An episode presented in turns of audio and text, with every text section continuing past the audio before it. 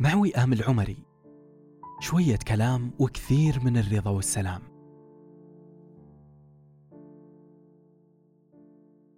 سلام لأرواحكم لقلوبكم لذواتكم. سلام يقودكم للعيش بوئام وانسجام مع قوى العالم أجمع. أنت أو أنت شخص مهم ولك وجودك في هالحياة. أيا كنت ووين ما تكون. حياتنا عبارة عن مراحل وانتقالات متعددة وتغيرات تثبت لنا أن الحياة تستحق بذل المزيد من الجهود لاكتشاف الأفضل. كل مرحلة جديدة بحياتنا من الطبيعي أن نشعر فيها بتخبطات فكرية ومشاعر غير متزنة. نشعر بالضياع غالبا لأنها تشبه اللغز. ما ندري وش الطريقة الصحيحة ووين وكيف وش الأشياء اللي ممكن نتصادف معها. يعني نسبة الالتقاء بالمجهول عالية جدا. المراحل هذه ممكن تكون مرحلة عمرية جديدة إحنا مقدمين عليها وممكن تكون مرحلة علمية أو رحلة أو مهمة عملية وكمان تشملها المرور بأدوار اجتماعية جديدة. التوجس والترقب والخوف والإحباط والشعور بالضياع أول شي راح يواجهنا ويكون للبعض الاختيار في إنه يستمر بالاكتشاف وبقدر عالي من هذا الترقب أو التوقف والبقاء في استعادة الماضي والتمسك بذكرياته أو المرور فيه والاستمتاع باللحظات الجديدة بالرغم من صعوبتها. حلقة البودكاست اليوم متصلة بالحلقتين التالية. خلال هذه الثلاث حلقات راح نصحح عقارب زمن التفكير سواء تقدمت بالزمن أو تأخرت عنه. خلال الحلقة الرابعة من بودكاست وئام العبور من الماضي هو اختيارنا. استمرارك في التمسك بالماضي والحنين له والانغماس في استعادة الذكريات وعدم تقبلك للتغيير في أي جزء من حياتك. راح يأثر في ثقتك بنفسك وراح يعطل مقدرتك على التقدم في الحاضر تجاه المستقبل. ليش عموما الأشخاص تمر فيهم لحظات يفضلون الماضي؟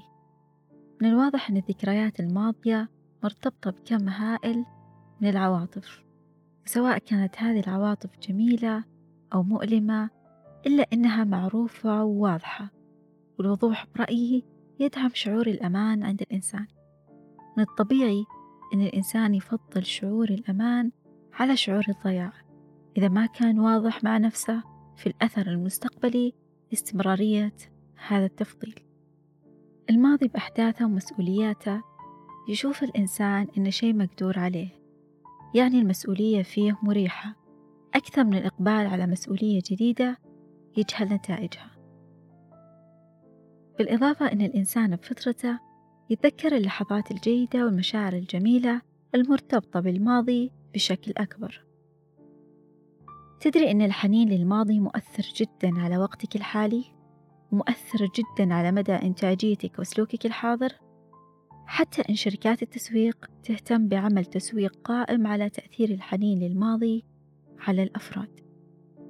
الحنين للماضي يعرف طبيا بالنوستالجيا وهي حالة عاطفية يتم فيها استرجاع مشاعر ماضية ترتبط بلحظات سعيدة مع طرد المشاعر السلبية. لذلك استخدام الشركات لنوستالجيك ماركتينج لإحداث حنين للماضي وبصورة جماعية لا ترتبط بفرد. يعني إن تأثيرها ما يقتصر على فرد إنما جماعة يشتركون في ماضي معين. هذا النوع من التسويق كان للقدرة على التأثير على احترام الفرد لذاته. وبنفس الوقت يأثر على مشاعر الانتماء وتحسين الهوية الاجتماعية. بالإضافة للمشاعر الفردية اللي راح يكون لها تأثير على الفرد بشكل شخصي.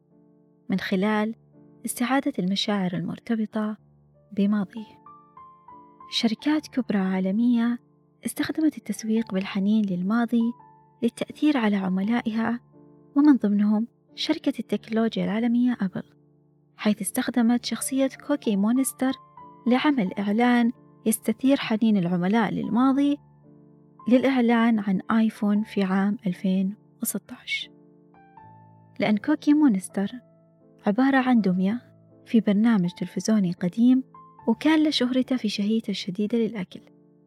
واللي ما سبق إنه شاف الفيديو التسويقي راح تلقونه على اليوتيوب. ومو بس أبل في عدد من الشركات العالمية المعروفة استخدمت نفس التأثير مثل مايكروسوفت وغيرها من شركات المشروبات الغازية الشهيرة. كل هذا يثبت لنا مدى تأثير ارتباطنا بالماضي على سلوكنا الحالي.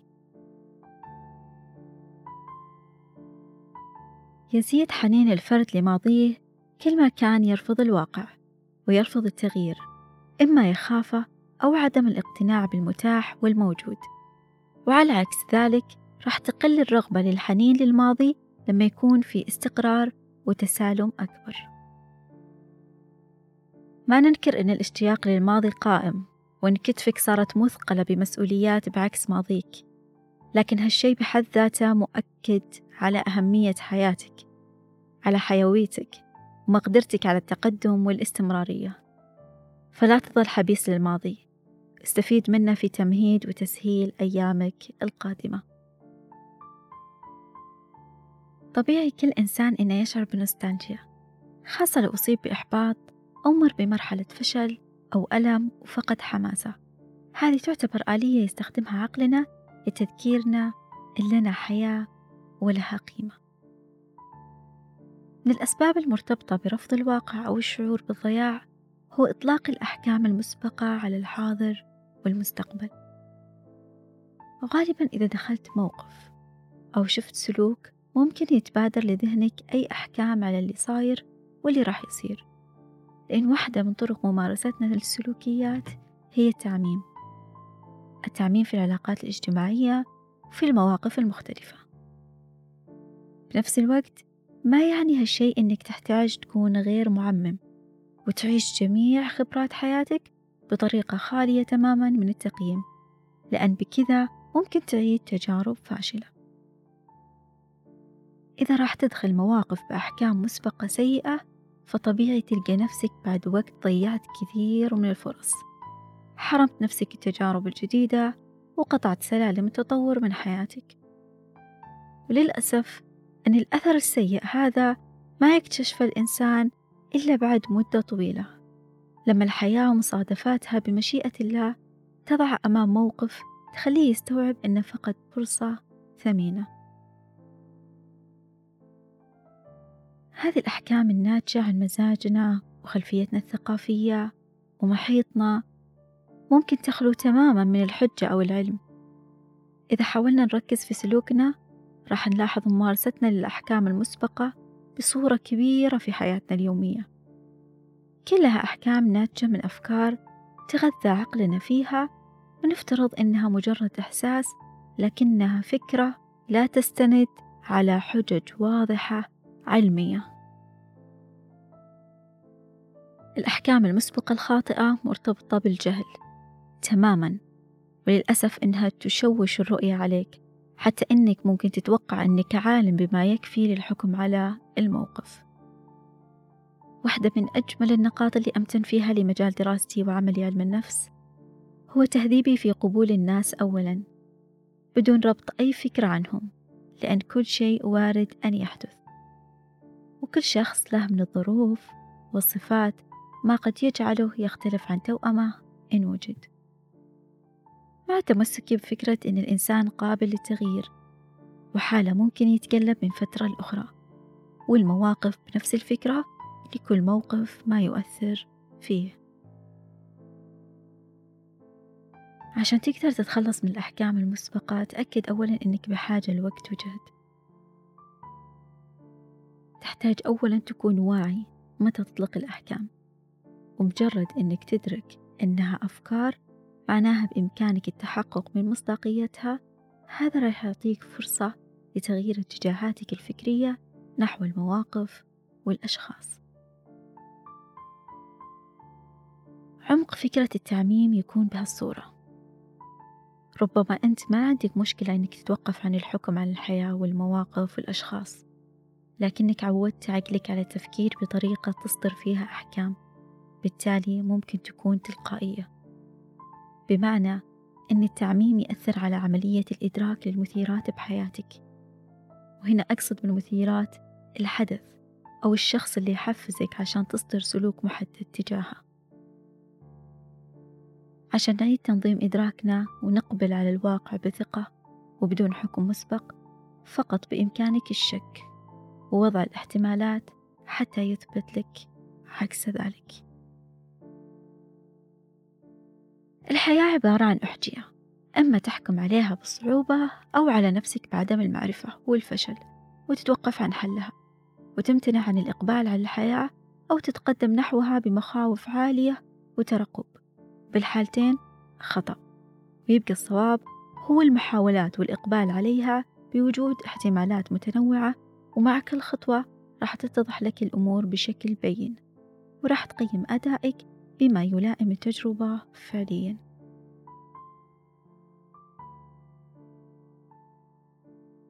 من ضمن أيضا الأحكام السيئة هو الحكم على الذات. تحديدا الحكم بعدم الاستحقاق. يظل الإنسان حبيسا للماضي أو مقيدا بالحاضر بسبب نقص شعوره تجاه ذاته بأنه يستحق. للأسف أن الشعور بعدم الاستحقاق مو بالوضوح اللي تتوقع أنك قادر على إدراكه. بمعنى الأفكار اللي تقولها لنفسك ومدى إيمانك أن يجب أن تحصل على أشياء محددة في حياتك ما تقدر تقيمها بسهولة. لأن ربما تنطق باستحقاقك لكنك داخليا ما عندك إيمان باستحقاقك لهذه الأهداف ومشاعرك داخليا عالية التحكم. بشكل يتفوق على صوتك الخارجي المسموع. عشان نفهم الطريقة المناسبة لزيادة مدى استحقاقك لأهداف تطمح لها نحتاج نعرف كيف يبنى عند الإنسان هذا الحديث المتعلق بمشاعر الاستحقاق السلبية. دكتور ديفيد هاملتون في كتابه أنا أحب ذاتي تحدث عن تعرضه للتنمر لعدة مرات في المدرسة واللي كانت بشكل تنمر عاطفي اجتماعي. ذكر أن في أحد المواقف اللي اشتد فيه الألم العاطفي وكان يبكي كثير بعدها قبل أن الحياة تمشي بهذا الشكل هو ما يقدر يغير أي شيء فيها. واللي زاد الأمر سوء أنه بعد ما استجمع قواه راح يسأل أحد الزملاء ليش هم يعاملوني كذا؟ للأسف كان ردة يجلب له شعور أنك كيف تتجرأ على هالسؤال لأن هي هذه الطريقة اللي تمشي فيها أمور الحياة. توافقت كلمات هذا الشخص مع الحديث الداخلي لديفيد عن نفسه. يقول ديفيد أن دائما كان عنده شعور داخلي أنه غير جيد بما يكفي وكان عجزة في حب ذاته بسبب أنه يرى أنه ليس كافيا. النقطة هذه تحديدا اللي خلت الكثير يرفض السير للأمام ويتوقف على عتبات الماضي. عجبني دقة وصف ديفيد بهالعبارة. تعلمت أن أقلل من أهمية نفسي باستمرار كي أتجنب استهدافهم. حبيت أنه وصف الطريقة اللي حصل فيها على هذه الأفكار وقال تعلمت. الأفكار عن النفس متعلمة متعلمة من المواقف متعلمة من العبارات اللي تسمعها عن نفسك وما تميز مدى حقيقتها. متعلمة لما تمارسها مع نفسك باستمرار. وتركز فقط على المواقف اللي تفشل فيها بصورة طبيعية وتستخدمها كإثبات لحقيقة أفكارك عن نفسك متجاهل المواقف والصفات الإيجابية. أنت مهم وتستحق الاحترام تستحق الإقبال على الحياة وتعلم المزيد والحصول على المزيد والأفضل بشكل مستمر. بدون السؤال عن الأسباب كونك خلقت إنسان وميزك الله بالكثير فهذا يعطيك الحق كاملا بالحياة والاستمرار فيها. الشعور بعدم الاستحقاق هو حكم مجحف صادر من أفكارك. حكمت فيها على ذاتك في عدة مواقف وربما على حياتك بأكملها. ولوم الذات المرضي اللي يخلق مشاعر ذنب مستمرة هو السلاح اللي اخترت إنك تأذي نفسك فيه باستمرار. جروح تفتعلها تخليك تشوف نفسك بصورة مشوهة فعليا. مشاعر الذنب أسوأ عقاب ممكن يعاقب فيه الإنسان نفسه إذا ما أحسن استخدامه وما عرف القدر الصحي الصحيح منه. أعرف حدودك في المسؤوليات اللي تستحق إنك تشعر بالذنب تجاهها أو لا. إذا ما أخطأت بماضيك ما كنت راح تتعلم لأن الفشل طريق للتعلم. مشاعر الذنب الصحية اللي تخليك تندم وتصحح أغلاطك وتتعلم منها وتسامح نفسك وتستمر بالحياة. أما الشعور بالذنب المتطرف اللي ما يسمح بالغلط تماما ولا يسمح بالفشل ولا يسمح بالتسامح هذا يلغي الحقوق المتاحة لك كإنسان. من حقك تغلط من حقك تتعلم من الغلط من حقك تفشل مرات وتنجح مرات من حقك تسامح نفسك. مهما حدث من مواقف بالماضي البعيد أو القريب لا تظل حبيس لها ناقد لذاتك وسلوكك.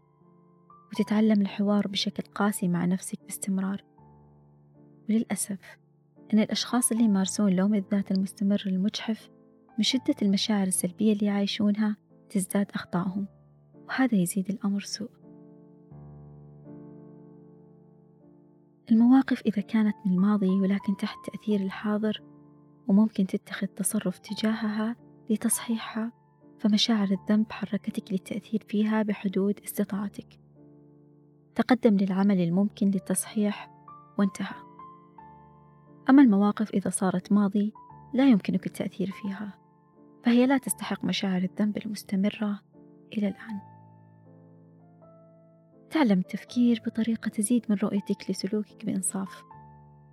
الطريقة اللي تفكر فيها الحين مو صحيحة ما تمثل حقيقتك. تعلمتها إما من ردات فعل المحيطين فيك أو من مواقف سلبية مرت فيك. قيمة نفسك لا تحصرها بهذه المواقف ولا تمارس ما قيل لك سابقا على أنها حقيقة. إذا قررت تحاول تشوف نفسك بشكل مختلف راح تلقى صورة جيدة فعلا. بس تقرر وتعمل بقرارك. عشان تشعر بالإستحقاق وتتخلص من مشاعر الذنب اللي تأثر على استحقاقك. انتبه من آراء المحيطين فيك والأشخاص اللي تخالطهم رأيهم فيك لا يعكس الحقيقة دائما تأنيبهم ولومهم ونظراتهم اللوامة أو الناقدة لا تعني أنك مخطئ فعلا اسأل نفسك هل الأشخاص اللي حوالينك ساعدوك تكون بنفسية أفضل وبإنتاجية أعلى؟ هل وصلوا لك رسالة إن الحياة تحتاجك فعلا؟ إذا إيه فاحتفظ فيهم واحرص عليهم وخليك ممتن لوجودهم دائما وممتن لدعمهم لك. إذا لا فإن استطعت أن تغادرهم لعدم وجود أي صلة بينكم فابتعد.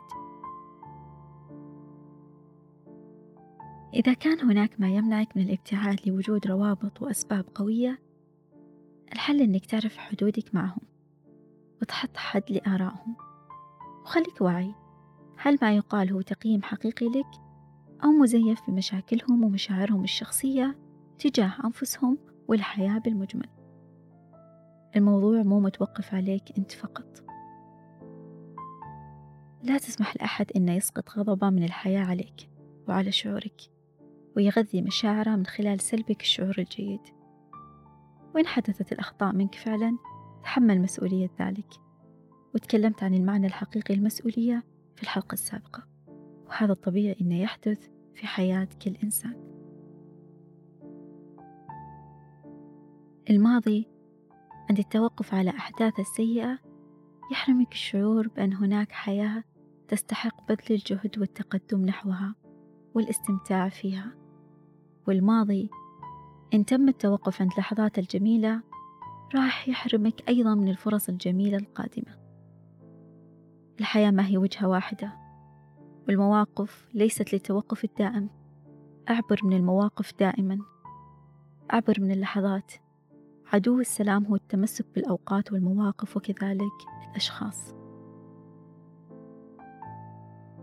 وهذه دعوة من بودكاست فئام. لكل شخص لا يزال عالق في الماضي ويخطو أياما مثقلة تخوفا من القادم المجهول.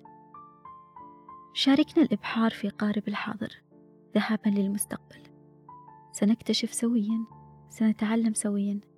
ستعود هذه اللحظات الغامضة مرارا وتكرارا. حتى تجيد العبور منها بأقل قدر من المشاعر السيئة. خلال هذه الحلقة حاولنا أن نتجاوز الماضي. ولنا لقاء بين مستقبلنا وحاضرنا. لنرى الوئام والسلام في أي اتجاهات الزمن. ألقاكم على خير. رسالة سلام تبدأ من داخلك.